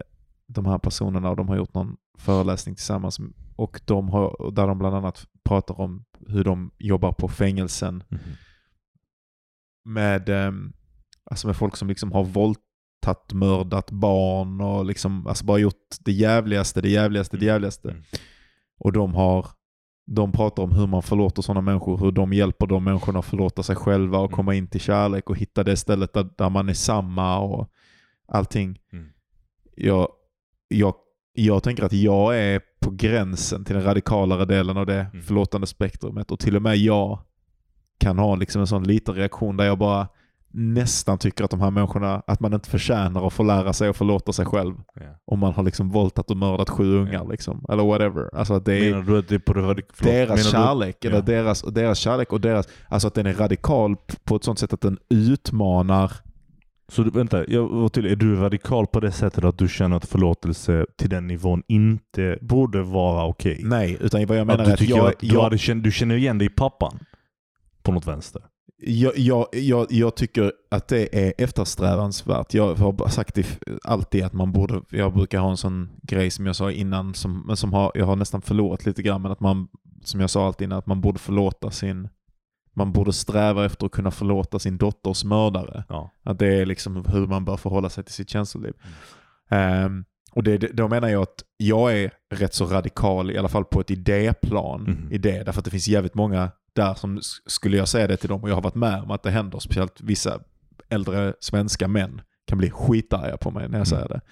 Uh, alltså att de tycker att det är helt, att jag, det jag fattar inte för jag har inte haft en egen dotter och yada yada. Vilket ju är sant. Ja. Det här är bara en idé i mitt huvud. Ja, det här är bara någonting som jag tycker är eftersträvansvärt. Eh, Och det är ju det, effectively, som den här mannen som du pratar om, han har ju realiserat den sortens tanke i sitt känsloliv. Han har kommit till någon djup insikt om förlåtelse. Liksom. Eh, Men, men, så det, det är radikalt därför att det, det, det, det, de kan inte ens se att det är beundransvärt. Alltså Ja. de, det verkar nästan ondskefullt. Det verkar alltså, så, nästan som Nu- idioti från menar. min sida. Alltså jag är så på samma sätt som eh, vilken radikal ideologi som helst i förhållande till där du står, Mm. om du står närmare normen, verkar oförståbar. Alltså den är radikalt därför att den är långt borta. Den har en verklighetskonstruktion Mhm. som är så annorlunda att den nästan är oförståbar. Mhm. Och på det sättet så, så är ju jag radikal med den här idén om att förlåta sin dotters mördare. Mm. Och jag menar att de är så radikala att de på riktigt åker och träffar och hjälper folk som har dödat barn att Ja. förlåta sig själva Ja. och bara ha en härlig tid resten av sina liv och Ja. bli ett med kärleken och ser sig själva i de människorna de klarar av att se att Men är det, är det, frågan är det en radikal grej eller är det en personlighetstyp? Alltså någon slags, för jag har svårt Jag fattar inte varför du jag ska förklara vad jag menar. Att skillnaden är detta att ibland är det som att vissa, viss, en viss typ av beteende som kommer från en, en medveten meditation eller en medveten eh, fundering är typ lite mer beundransvärd Mm. än en som är intuitiv till någon. För det Mhm. finns vissa typer av människor som Men är det skit i mer det intuitivt. Det har inte med radikaliteten Okej, okej, göra. kanske inte. Ja. Okej, kanske inte. Men, men du ser ändå storheten i en person som kan gå och medvetet åka till någon och liksom be Jag om... menar att det är så radikalt att det nästan är svårt att se den storheten. All right, all right, Men jag right, tycker ju att det är en storhet. Men jag, jag tycker att den, kolla här, jag, tyck, jag tycker att den, den storheten är nästan konceptuell. Det är det jag Ja, försöker säga. att det, är, det, är verkligen, det är verkligen någonting utmanande att ha tillgång till den sortens för, förlåtelse. Därför att den sortens förlåtelse bryter nästan någon slags kausalitetstänk Ja, som är ja. inbyggt i vår kristna eller abrahamistiska värld. Liksom Ja, att de jävlarna ska få sin... Det är ju, I slutändan är det ju det. De ska få sitt straff. Beter man sig som en idiot här så ska man få sitt straff någonstans. Men, men, det här är en annan tradition som säger nej, inget straff. Den personen gjorde Det- det, därför ja. att den kom från, den hade så mycket lidande i sig själv ja. att den inte visste vad den gjorde i princip. det, jag förstår Det är radikalt. Ja, det förstår jag. Därför att det pappan gör, alltså han, han accepterar brottslingens straff, men han förlåter brottslingen samtidigt. Ja. Så för honom är det inte ett element av ehm, jag vill att du ska ha ro liksom. Utan det, Mm. det är på ett sätt också en slags egoistisk handling från pappans sida. Det, det finns mycket hat i mig och jag släpper det hatet för att eh, inse att det finns såklart anledningar till varför du gjorde som du gjorde. Du är ingen ond människa för det. Men obviously, för att du gjorde det, så måste det finnas konsekvenser. Men en av de konsekvenserna är inte mitt hat gentemot dig. Eh, Och det är inte lika radikalt som att bara gå så långt som att säga nej, du förtjänar lycka och frid. För att det finns förklaringar till varför du gjorde som du gjorde. Och antar jag då att vill, vill de här människorna inte att de här människorna ska straffas för sina brott? Eller det är typ utanför deras...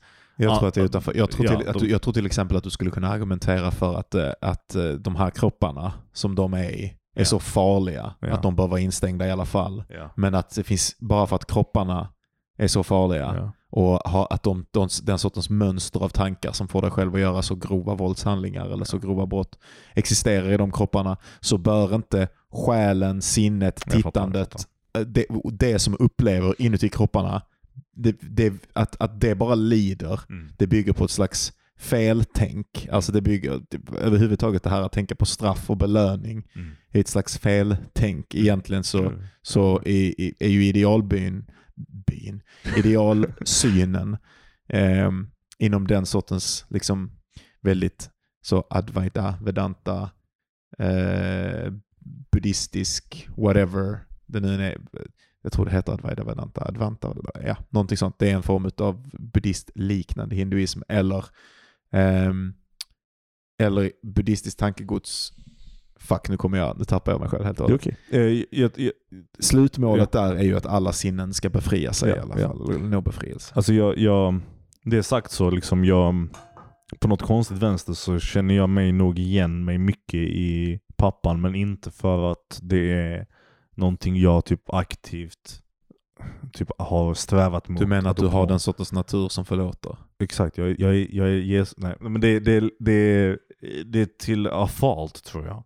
Att jag har jättesvårt att uh, vara arg på någon när Som de gör jag någonting. också upplevde att jag hade innan. Ja, fast här är skillnaden. Alltså jag tar inte på det på mig själv.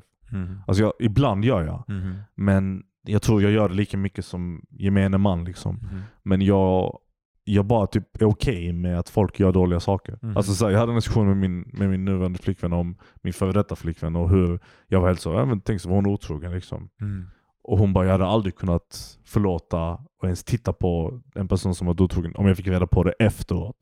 Och jag tänkte bara, men visst hade det hänt under tiden vi var tillsammans och jag visste om det då så hade jag blivit skitförbannad och allting sånt. Säkert inte kunnat förlåta personen. Men nu Mm.